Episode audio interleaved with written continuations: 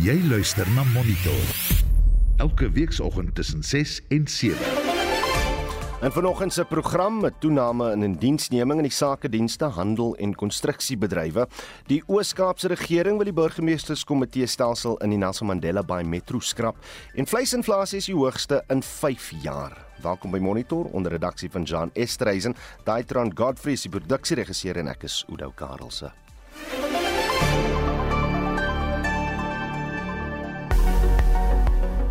En nou vir die reisigers weer voorspelling en ons begin met 'n waarskuwing, 'n oranje vlak 6 waarskuwing vir ewige donderstorms is uitgereik vir die westelike en sentrale dele van die Wes-Kaap. Vandag se minimum en maksimum temperature: Pretoria 17:28, Johannesburg 14:26, Vereniging 1527, Mbombela 'n minimum van 20 en 'n maksimum van 27, Polokwane 1726, Mahikeng 1731, Vryburg 19 met 'n maksimum van 30 grade, Bloemfontein 1728, Kimberley 1930, Appington 21 en 34, Kaapstad 21 23, George 'n minimum van 19, maksimum van 26 grade, Gqeberha 19 27, Oos-London 20 27, Durban 22 en 27 Richards Bay minimum van 23 maksimum van 30 grade en dan Pietermaritzburg 18 en 25 grade. Vir nog besonderhede kan jy die weerdienste se webblad besoek. Dis www.weathersa.co.za.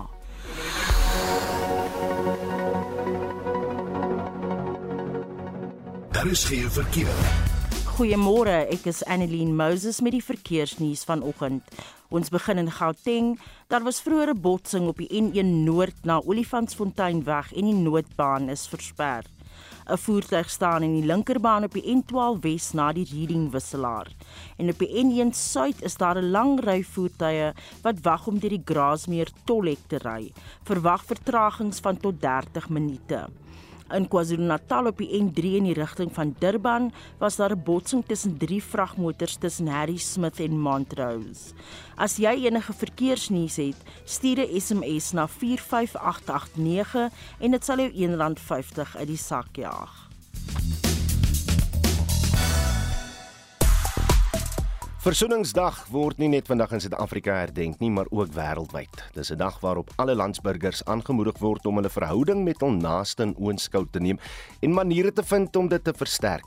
In die gees van die feestyd, wat is jou voorstelle rondom versoening, veral in lig van jou familie, in jou vriendekring en selfs met diegene rondom jou kerstafel? En dan het ons ook gevra wat jou mening is oor Andre de Ruyter se besluit om te bedank. Deel jou menings saam met ons uh, deur 'n SMS te stuur na 4588919 R50 per boodskap. Jy kan ook saampraat op die Monitor en Spectrum Facebook bladsy en jy kan ook vir ons 'n stemnota stuur. Uh, is nou op WhatsApp na 0765366961.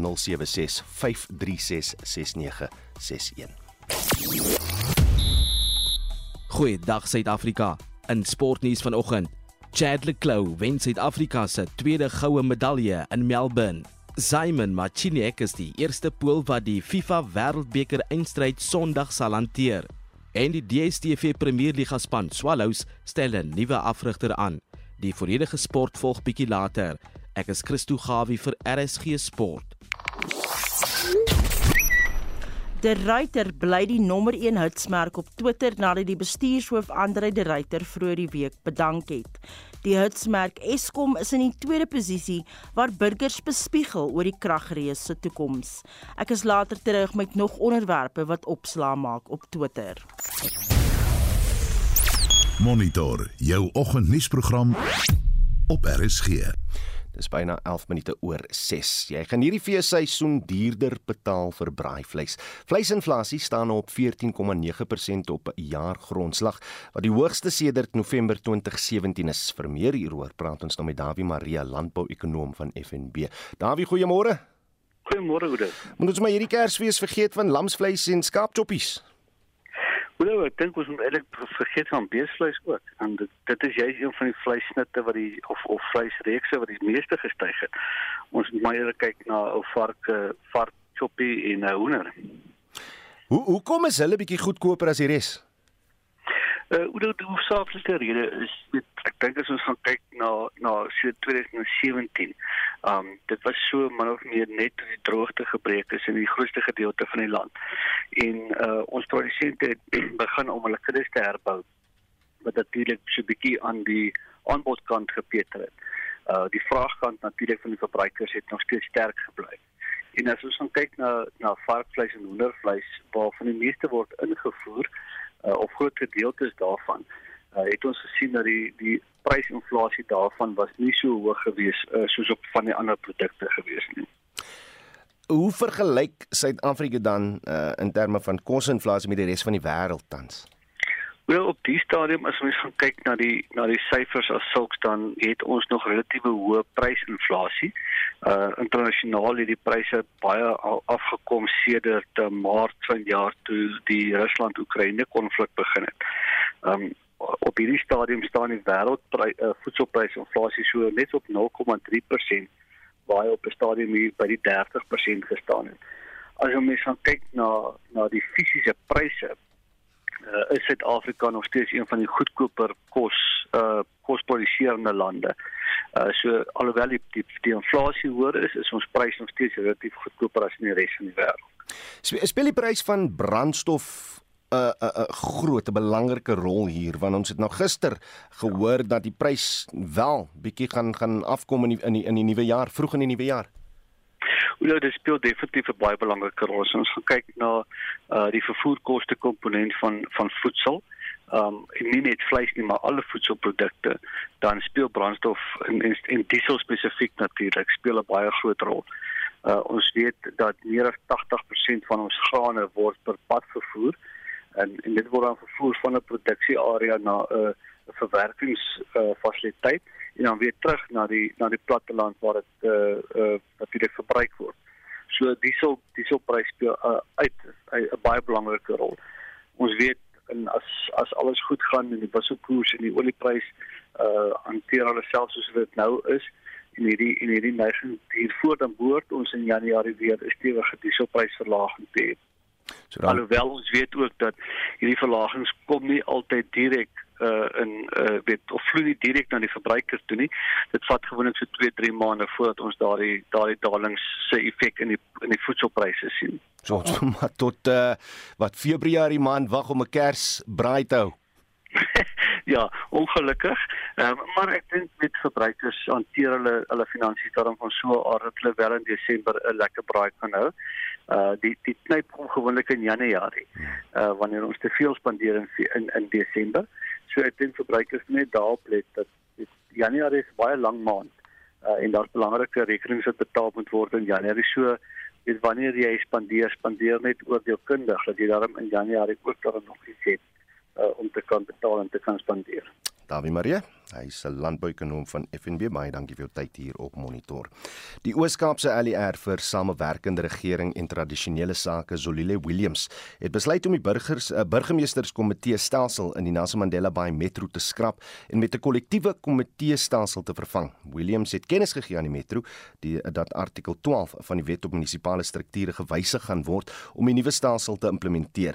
Ons praat nou hieroor met professor Erwin Swela, die dekaan van die skool vir sosiale innovasie aan die Huguenot College op Wellington. Erwin, goeiemôre.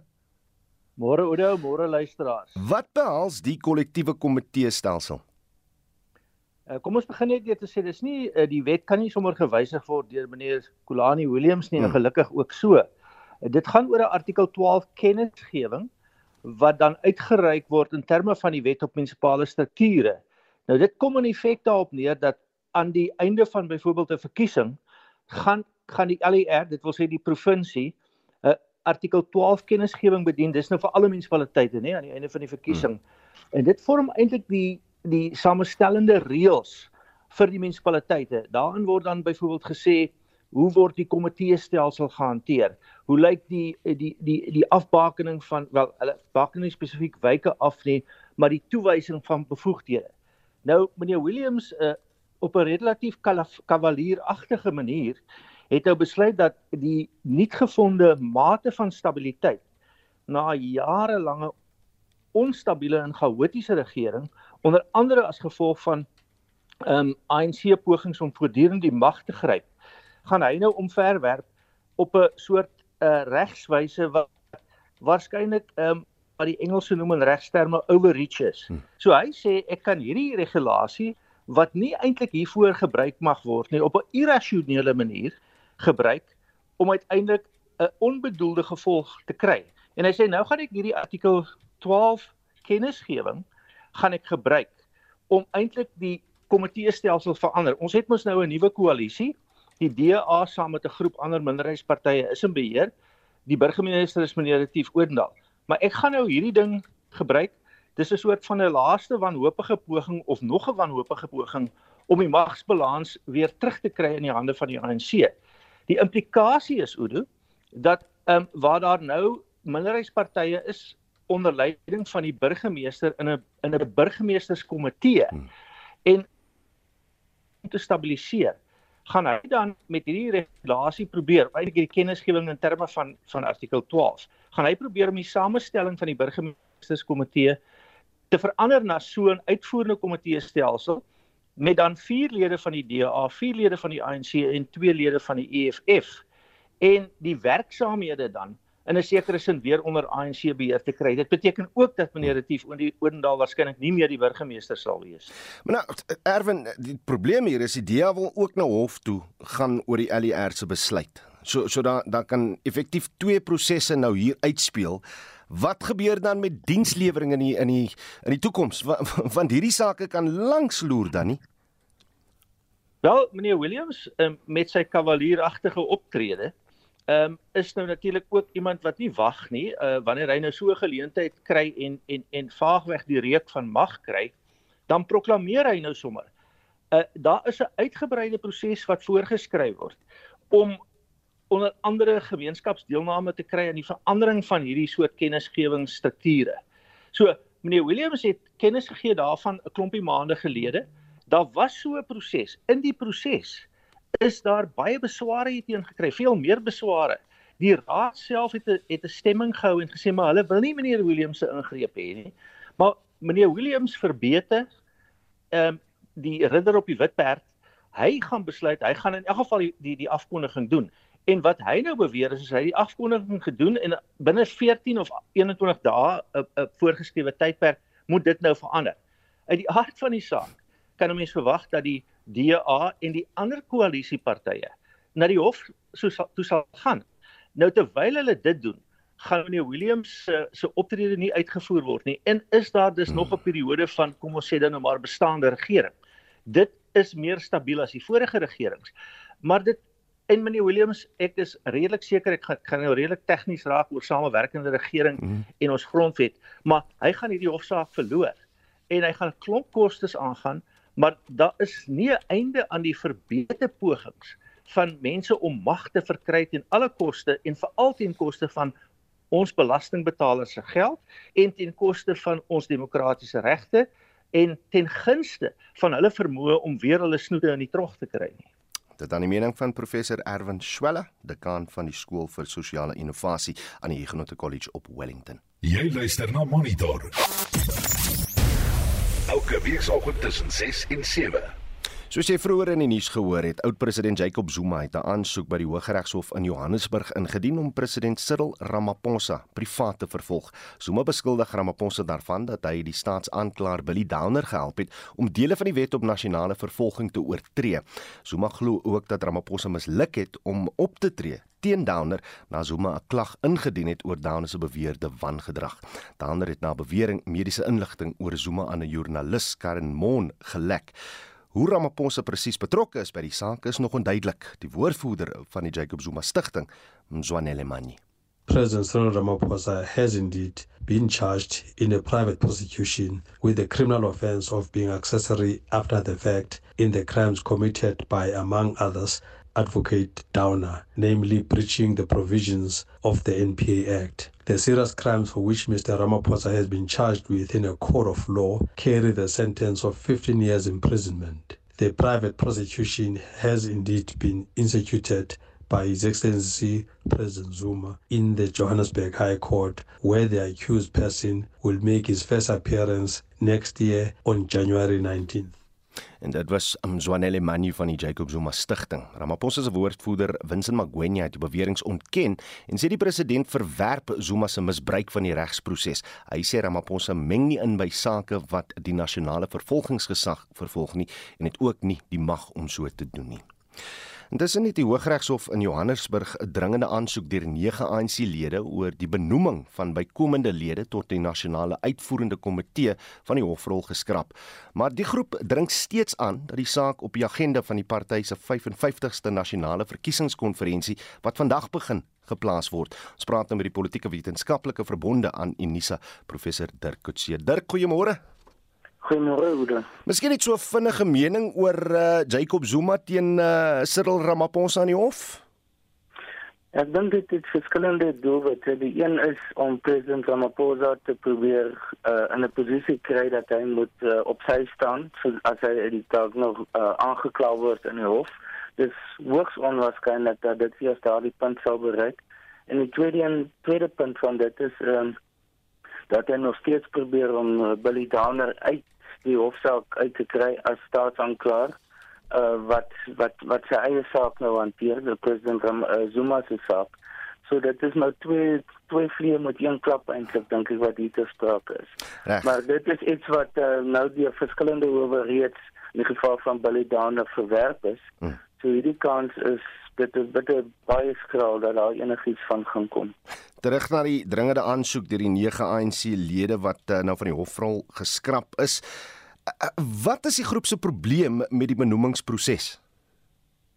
Wel, dit het te maak in 'n groot mate met die rol wat die uh, verkiesingskommissie speel, die een onder leiding van Gelemo Mklante en wat verskeie persone reeds gediskwalifiseer is of nie verskeie nie, 'n paar soos Tony Ngeni en wat Billy Lamini is nou van die meer bekendes van hulle maar daar's ander ook wat veral en dit het te maak met persone wat 'n geskiedenis het of wat deel is van 'n van prosesse, hofprosesse, strafregtelike prosesse.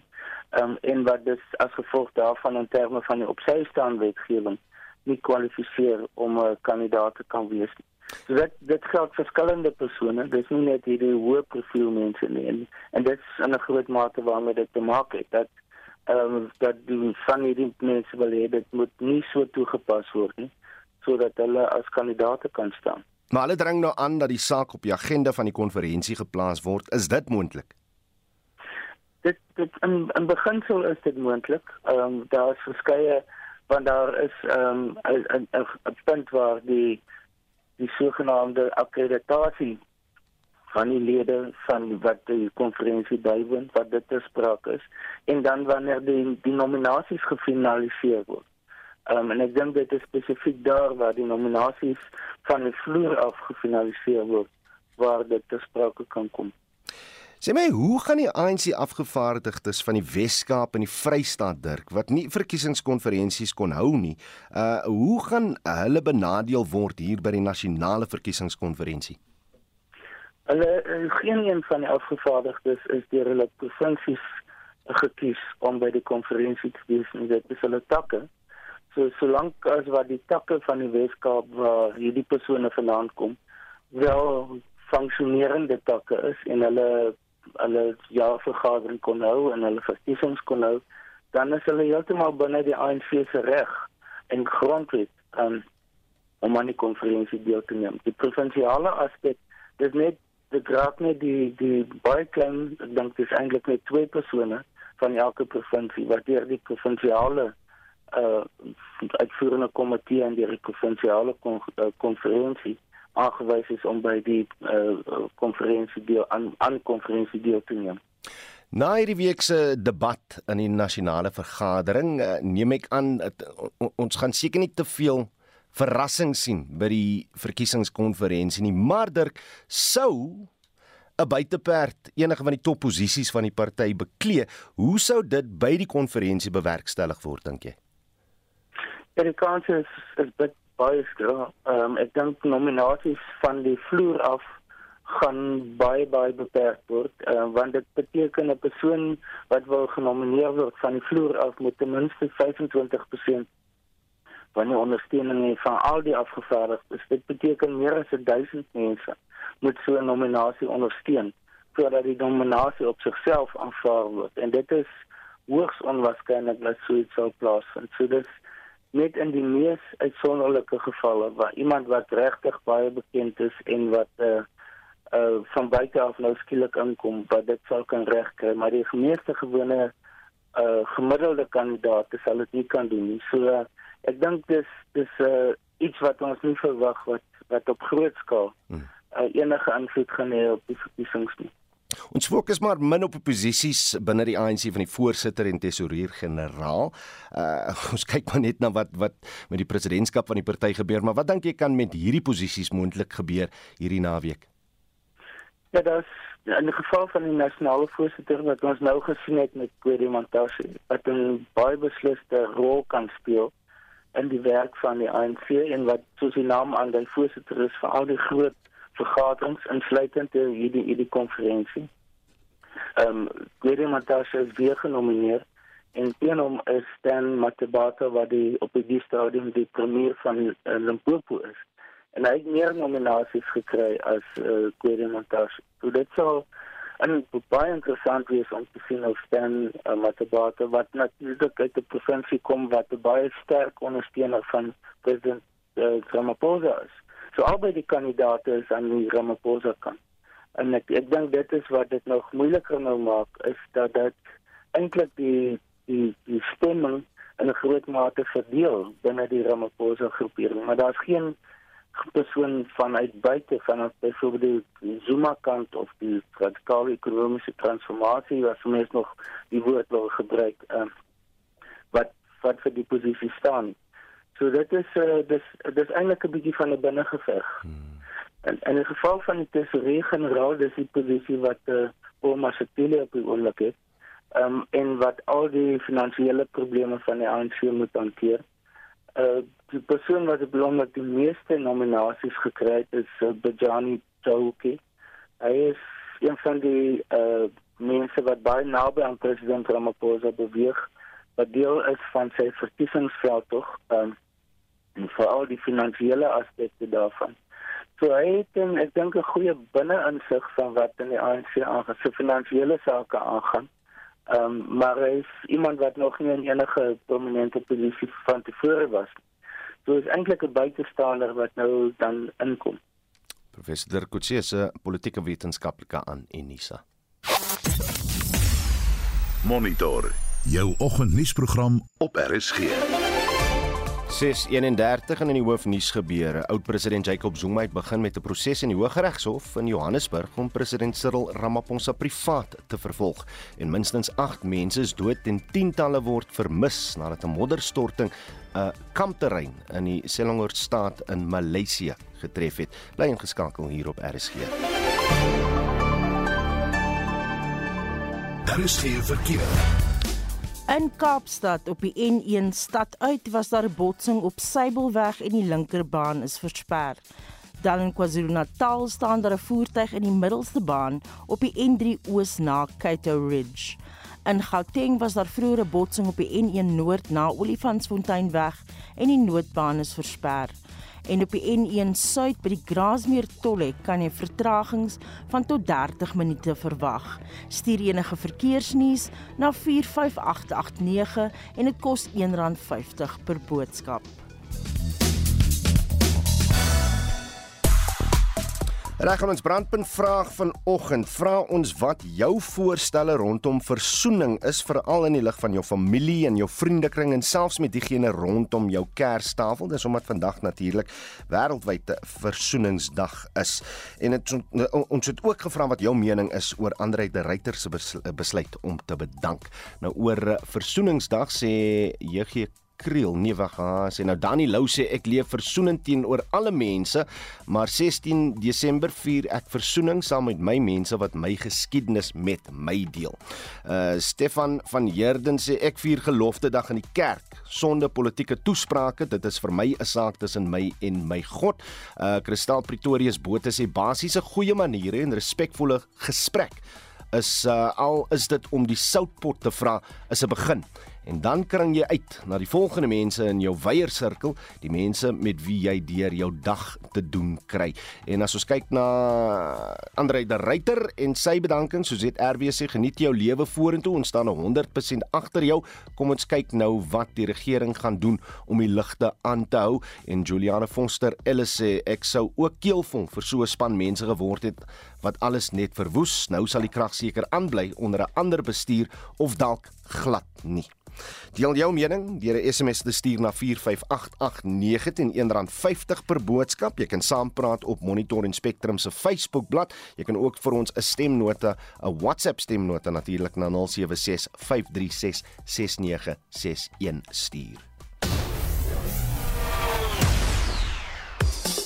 Reg, kom ons beweeg na die sportveld met Christo Gawie. Christo, goeiemôre. Goeiemôre Oudo, goeiemôre luisteraars. Ek sien daar's 'n uh, goud vir Chad Leclerc, Suid-Afrika. Hulle span by die kortbaan kampioenskap vaar redelik goed. Ja, die 30-jarige Leclerc het vir die 5de keer in sy loopbaan goud gewen aan die 200 meter vlinderslag by 'n kortbad wêreldkampioenskap. Nou Leclerc het Suid-Afrika se tweede goue medalje by die kampioenskap in Melbourne gister gewen nadat met Suid die 200 meter wisselslag uh, vroeër ook die week in 'n blitsvinnige tyd gewen het. Nou Lara van die Kerk het intussen in die 100 meter borsslagfinaal deelgeneem. Sy het in 5de plek geëindig. Goud het aan die Amerikaner Lily King gegaan. Rebecca Meader het uh, ook 'n plek in die 100 meter individuele wisselslag eindstryd op 'n indrukwekkende wyse bespreek. Die 20-jarige van Durban het veelvuldige Olimpiese medaljewenner Kirsty Coventry se Afrika rekord in die oggend uitdinne verbeter en het in 'n tyd van 59.38 geëindig. Sy het toe nog vinniger in die aand half eindstryd gegaan, derde geëindig 'n nog 'n rekordtyd van 58.98 en vyfde vinnigste vir vandag se eindstryd gekwalifiseer. Intussen het Pieter Kutse ook verseker hy vorder tot die eindstryd van die 50 meter rugslag. Die 18-jarige van Pretoria was 6ste in sy halfeindstryd maar het teruggestorm om 'n tweede te eindig in 22.86 om vierde vinnigste vir vandag se eindstryd te kwalifiseer. Dan die Australier Isaac Cooper was die vinnigste kwalifiseerder in 'n wêreldrekordtyd van 22.52. Tans op die medaljeleer is Amerika heel bo met 'n totaal van 17 medaljes, 9 goud, 4 silwer en 4 brons. Australië is tweede met 15 in totaal. 8 goud, 4 silwer en 3 brons medaljes en dan Italië derde met 7 in totaal, 2 goud, 4 silwer en 1 brons. Suid-Afrika dis in 4de posisie met slegs 2 goue medaljes. Die swemaksie gaan vandag voort met die kampioenskappe wat Sondag tot 'n einde loop. Ah, sê en dan geskiedenis sal wel gemaak word Sondag aand uh, in die uh, sokker wêreldbeker finaal. Dit is korrek. Die Poolse skeieregter Simon Marciniak sal beheer neem van Sondag se uh, wêreldbeker eindstryd tussen Frankryk en Argentinië. Nou sy assistente sal sy landgenote Paul uh, Sokolniki en Thomas Litskiewicz wees. Geskiedenis soos jy noem word gemaak wanneer die twee spanne vir die heel eerste keer ooit ontmoet in 'n sokker wêreldbeker eindstryd. Frankryk is die eerste span wat twee agtereenvolgende wêreldbeker eindstryde haal sedert uh, Brasilië 1998 en ook in 2002, maar dit is 'n wen uh, of verloor teen Lionel Messi se Argentinië wat ook nie onderskat kan word nie. Die wedstryd begin Sondagmiddag om 5. En voor ons afsluit nog so 'n bietjie sokkernuus en 'n bietjie cricketnuus. Absoluut uh, die DStv Premier Liga Swallows uh, die span Swallows hulle het 'n nuwe afrigter aangestel. Dis die voormalige Kaizer Chiefs afrigter Ernst Middendorp.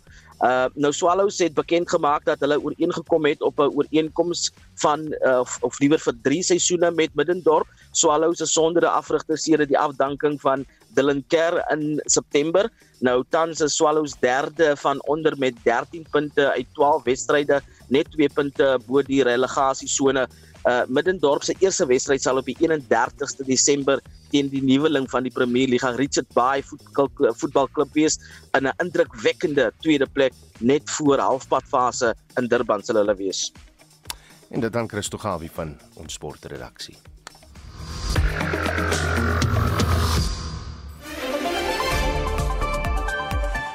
Monitor jou oggendnuusprogram op RSG. Die jongste indiensname syfers van Statistiek Suid-Afrika toon dat indiensneming in die formele ekonomie in die 3de kwartaal van 2022 met 10000 werksgeleenthede toegeneem het. Die senior ekonom by die Buro vir Ekonomiese Ondersoek aan die Universiteit Stellenbosch, Lisette Eysel te Skepper, sê in persentasieterme is dit 'n toename van 0,1% op 'n kwartaalgrondslag. Ons praat nou met haar. Lisette, goeiemôre. Goeiemôre. Jy jy het gister op Brandpunt gesê dit is 'n teleurstellende syfer. Hoekom? Ek dink as ons kyk na ekonomiese groei of die toename in BBP oor dieselfde tydperk, was dit 1%, 1.6% kwartaal op kwartaal. Nou ons weet daar's geen 1 tot 1 verhouding dat ekonomiese groei dadelik lei tot formele indiensname nie, maar dit is tog maar baie swak om oor dieselfde tydperk net 0.1% groei te sien in indiensname. Maar maar in watter sektore was daar wel bietjie groei? Ek dink dit is belangrik om om weer te noem dat hierdie spesifieke statistieke net fokus op die formele sektor en groot besighede wat geregistreer is vir BTW. So dit sluit die informele sektor uit, privaat huishoudings, landbou. Ehm um, so ons kyk net na formele werke en daar is werk geskep in 6 uit die 8 bedrywe wat Statistiek Suid-Afrika meet. Die meeste daarvan, 31000, was in die finansiële en sakedienste sektor.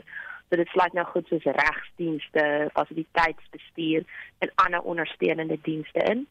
Dan in die handelssektor 10000 werke geskep. Meeste van hulle was in hotelle en restaurante, en die res in die klein en die groot handelsubsektore.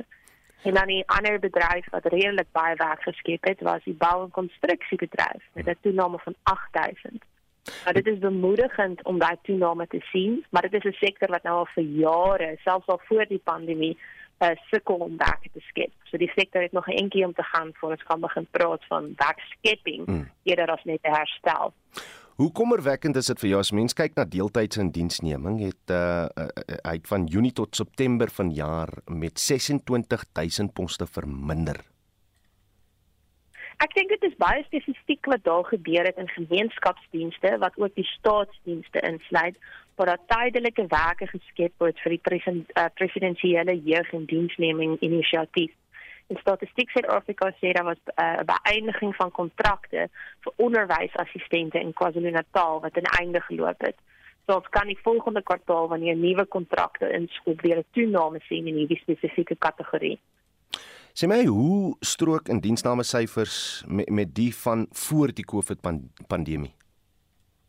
Nee, ons oomblik het ons net onder 10 miljoen mense wat werk in die formele sektor en dit is steeds baie minder as die 10.3 miljoen mense wat in die eerste kwartaal van 2020 uh voor die pandemie in Parkings begin het.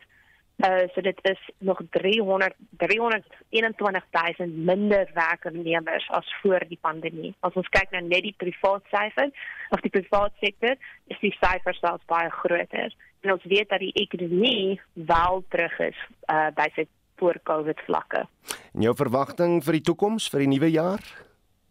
Ek dink daar is hoop uh vir die toerismebedryf veral. Ons het dit uh, internasionaal ook gesien waar die soort van heroopmaak van die ekonomie het nogal 'n positiewe impak op die toerisme sektor, op die algehele dienste sektor.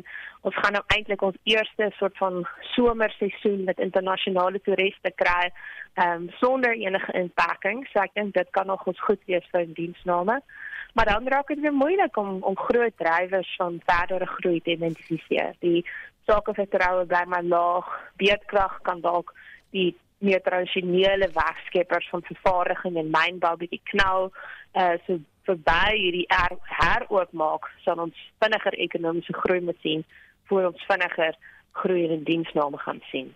Lisette Eysel te Skepper is 'n senior ekonom by die Buro vir Ekonomiese Ondersoek aan die Universiteit Stellenbosch. Monitor. Jou oggendnuusprogram op RSG. Tyd vir 'n blik oor wêreldnuus gebeure en Joan Marie ons begin met Amerika se president Joe Biden wat sy steun vir permanente verteenwoordiging van Afrika in die Verenigde Nasies se Veiligheidsraad opnuut bevestig het. Dis reg Biden het die Amerikaanse Afrika Leiersberaad in Washington toegespreek tydens 'n sessie oor goeie regering, demokrasie en respek vir menseregte. Biden het ook opnuut sy steun vir permanente lidmaatskap van die Afrika Unie en die G20 bevestig. Africa belongs to the table in every room, in every room where global challenges are being discussed, and in every institution where discussions are taking place. That's why I announced in September at the United Nations General Assembly that the United States fully supports reforming the UN Security Council to include permanent representation for Africa. And today I'm also calling for the African Union to join the G20 as a permanent member of the G20. Whether it's it's been a long time in coming, but it's going to come. En ons bly by nuus uit die FSA. Die land se nasionale argief het duisende dokumente wat verband hou met die 1963 moord op uh, president John F Kennedy vrygestel. Ja, en die BBC se Nomia Iqbal berig dat hoewel die dokumente nie enige eksplosiewe of noodwendig nuwe inligting bevat nie, is dit 'n waardevolle navorsingsbron vir historiese. The constant delays to release information have fueled wild conspiracy theories for decades. And although many files on JFK's murder have slowly been made public since 1963, not all of them have. President Biden has now ordered the National Archives to release in full 70% of 16,000 documents which had previously been released in redacted form. He's holding back the remainder for security reasons, saying they're still under review. En dan waarsku die Oekraïense regering teen 'n wydverspreide Russiese aanval. Oekraïense magte het vroeër die week 'n ewige aanval op die Russiese beheerde ooste uitgevoer en albei lande meen 'n skietstilstand oor Kersfees is buite die kwessie. Die Oekraïense regering verwag dat Rusland 'n nuwe offensief in die in die nuwe jaar beplan. Hier is die BBC se Ian McWilliams. They say there's no room for complacency and predict a new Russian offensive, possibly as early as January. Military experts say the pace of operations on both sides is likely to increase in midwinter when the ground is frozen, allowing easier movement for vehicles. Wat gaan aan met die Duitse tennisster Boris Becker? So die voormalige Duitse tennisster is uit 'n Britse tronk vrygelaat waar hy al sedert April tronkstraf uitdien. Die 55-jarige Becker is in Brittanje skuldig bevind op aanklagte dat hy versuim het om bates ter waarde van honderde duisende pond te verklaar. Die sesmalige Grand Slam kampioen sal na alle waarskynlikheid nou uit Brittanje gedeporteer word. En laastens die aanbieder van die 2023 Grammy toekenninge is nou aangewys. Dis reg en dis die Suid-Afrikaanse komediant Trevor Noah. Dit sal nou as 'n derde keer as gasheer van die Grammy toekenninge wees en dit volg kort op sy uittrede as aanbieder van The Daily Show. Die 2023 Grammy toekenninge vind op 5 Februarie plaas. En dit was John Marie Verhoef met 'n blik oor wêreldnuus gebeure. Nou dat dit die afgelope 2 weke gestort reën oor groot dele van Suid-Afrika. Derhalwe praat Dr Willem Botha vanoggend oor sous. Dr Botha is natuurlik die uitvoerende direkteur van die Woordeboek van die Af Afrikaanse taal. Môre Willem. Goeiemôre Oudo. Die woorde dit sous was van dese week op almal se lippe. Vertel bietjie meer. Ja, môre Oudo, ek gee eers 'n bietjie die agtergrond. Groot dele van die land het die afgelope tyd deurgeloop onder stortreën soos selde tevore. Selfs die Tankwa Karoo het water gesien op 'n ongeëwenaarde skaal. Dit sous tot in die Tankwa was die opskrif op die voorblad van die burger. Werknemers van die landwyd bekende Tankwa padstal het kniediep in die waterbal jaar. Die wa die Weskaap was laaste aan die beurt, maar is werklik hard geslaan. Die Parel is van die dorpe wat die swaarste getref is. Huise en paaie is oorstroom en sou ook die Medikliniek Parel. Ironies genoeg word daar 'n biddag vir reën op George beplan. Paar jaar gelede tradisioneel een van die natste dorpe in Suid-Afrika. Die burgemeester van George het 'n beroep op die kerkgemeenskap van George gedoen om 'n biddag vir reën te hou. In die tyd verlede jaar was die tuinroete dam 100% vol, maar nou weens slegte reënval is dit slegs 49% vol. Dit sous beteken dat dit langdurig reën of stortreën. Die aanhalings by dit sous in die Woordeboek van Afrikaanse taal is die volgende: Die weer is warm, die lug egalig toegetrek, die wind stil en dit sous en sous aan een. In ons wêreld het dit aan een gesous en ons het aan mekaar voor die vuur gesit en patat gebak. Aanhaling is uit 'n werk van Alba Bouwer. Die eerste betekenis van sous is 'n dikkerige aftreksel, afkooksel of vloeistof wat berei word om by 'n gereg bedien te word om dit geuriger of smaakvoller te maak. Die vraag is nou hoe dit sous in verband gebring word met 'n tikkerige aftreksel wat 'n gereg geuriger maak. Volgens die etimologie woordeboek van Afrikaans kom dit sous uit Nederlands sousen, na aanleiding daarvan dat die reën in 'n dik massa val. Dr Willem Botha is die uitvoerende direkteur van die Woordeboek van die Afrikaanse taal. Sou jy 'n woord wou borg of koop, besoek www.wat.co.za of Google borg 'n woord. Suid-Afrika het stilletjies 'n nuwe nasionale park bygekry. Die terrein van die vierkante kilometer radioteleskoop oftewel SKA is tot 'n nasionale park verklaar. Die Meerkat Nasionale Park sal die fauna en flora van die Karoo bewaar, asook die vele verborgde skatte van die sanmense wat daar gewoon het. Ulrich Hendriks doen verslag. Die bewaring van 'n ryk geskiedenis en 'n omgewing met blomme en diereskatte terwyl daarna die sterre in die toekoms geryk word. Die Meerkat Nasionale Park is op baie maniere uniek. Albi Modise praat namens die Departement van Visserye, Bosbou en die omgewing wat die park geproklaameer het. It increases the protection of the poorly protected Nama Karoo biome from the paltry 1.5% to about 2% and also will enhance the protection of the area's unique cultural heritage. Remember the Meerkat National Park also represents our unique collaboration with the different stakeholders, especially in the area of research. Vir die volgende paar jaar sal die SKA terrein 'n konstruksieterrein wees terwyl die enorme 133 radioteleskope opgerig word. Die direkteur van konstruksie by die SKA, Tracy Cheetham, So we've defined what we call environmental zones, and then we've got the construction zones, um, and we can cohabit happily together. So we're working very closely with Sandparks in terms of our construction activities, but also preserving the heritage and the ecology and the aquatic system, as well as biodiversity in the national park. Parke reg oor die land is afhanklik van toerisme vir 'n inkomste om hulle bewaringswerk te subsidieer. Cheetham sê as gevolg van die sensitiwiteit van die SKA vir inmenging, sal dit nou fyn bestuur moet word. It's not a tourist destination where people can come and visit the national park. It's more of a wilderness area. And the idea is that we want to do ongoing environmental research here and you know look at different research topics. It's a complementary relationship in fact because there's astronomy but there's also groundbreaking earth science research that can take place within the national park. Modise sê die park is in 'n unieke situasie waar baanbrekende wetenskap gedoen word terwyl hulle die omgewing vir toekomstige geslagte bewaar. It's been conserved amidst international research that has been done there and that we understand that SKA by its own nature represents a huge quantum leap when it comes to engineering, when it comes to research, when it comes to development in the country. And therefore, location of SKA, rather the Meerkat National Park in the region where there is such a deep involvement of research and development. While cheek by jowl with that, we have the declaration of Meerkat National Park. It's quite a, an advancement that we need to celebrate. Daardie matkietie sal na verwagting vroeg volgende jaar plaasvind met die amptelike opening van die jongste nasionale park in Suid-Afrika, Ulrich Hendriks, SAK nuus, naby Kanaven in die Noord-Kaap. SAK nuus, onafhanklik, onpartydig.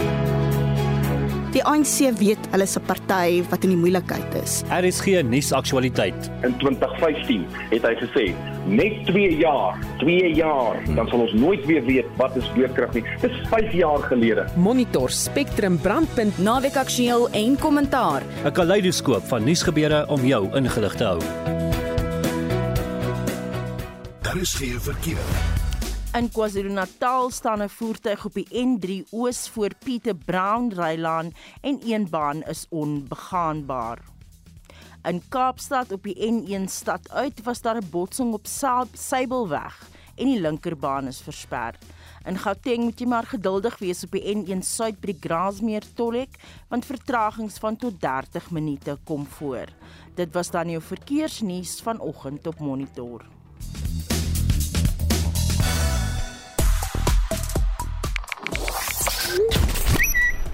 Jacob Zuma as 'n gewilde besprekingspunt op Twitter nadat die oud-president besluit het om privaat vervolging teen president Cyril Ramaphosa in te stel.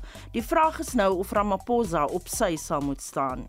En dan gons dit ook oor die tussenverkiesings in die Ditsobotla munisipaliteit in Lichtenburg in Noordwes nadat die ANC nie 'n volstrekte meerderheid kon behaal nie. Reg Versoeningsdag word nie net vandag in Suid-Afrika herdenk nie, maar ook wêreldwyd. Dis 'n dag waarop alle landsburgers aangemoedig word om hulle verhouding met hul naaste in oënskou te neem en maniere te vind om dit te versterk. In die gees van die feestyd vra ons vanoggend wat is jou voorstelle rondom versoening veral in lig van jou familie, in jou vriendekring en selfs met diegene rondom jou kerstafel. Op Facebook sê Margareta van der Merwe Kersseisoen het die holiday season geword sê sy. 16 Desember het versoeningsdag geword en my huishulp kon nie vir my sê wat sy en haar gesin vier nie self gaan ek 'n diens bywoon waar die gelofte weer afgelê gaan word. Ons het saam 'n koppie koppie 'n koppie tee gedrink. Sy's nie Zulu nie en ek het geen voorsate onder die voortrekkers nie maar ons stap saam vorentoe. So dit is haar uh, voorneme oor versoening. Uh, en dan is daar 'n bietjie van 'n debat uh, onder sekere mense. Daar in Oberholse is die 16 Desember is gelofte dag terwyl JG Kriel 'n antwoord daarop sê dis versoeningsdag jou God en die gelofte is oudtydse twak sê hy wat nie vandag van toepassing is nie. Ons het ook gevra wat jou mening is oor uh, Andre te Ruyter se besluit om te bedank. Solita Jebuis sê wat hy gedoen het is alsbehalwe geld insamel van wanbetalers. Uh, en dan uh, verwys hy na wat Ted Blom gister op die program gesê het. Sy sê ja, daar was sabotage moontlik, maar kyk na die breë prentjie. Grootste fout wat Eskom gemaak het was om 'n uh, besigheidsmens te kry en nie 'n ingenieur nie. Nou het hulle uit hul foute weer geleer nie sy skuld nie. Stelsels is oeroud en onbetroubaar. Load shedding, die ergste ooit. Wat was sy woorde? Sê sy almal wil Eskom regryk, maar dit word in flarde geruk. Kom ons kyk maar wat die nuwe ou gaan doen. As jy jou mening met ons wil deel, stuur 'n SMS na 4588919 R50 per boodskap. Jy kan saampraat op die Monitor en Spectrum Facebookblad. Jy kan ook vir ons 'n stemnota op WhatsApp stuur na 0765366961. Skakel gerus in op Spectrum tussen 12 en 1 vanmiddag vir nog nuusaktualiteit asook brandpunt omstreeks kwart voor 6 vanmiddag. Ons groet dan namens ons uitvoerende regisseur Nicoline de Wee, die redakteur vanoggend Jean Estreisen, ons produksie regisseur is Daitron Godfrey en ek is Udo Karelse. Op en wakker is volgende geniet jou dag in die geselskap van RSG.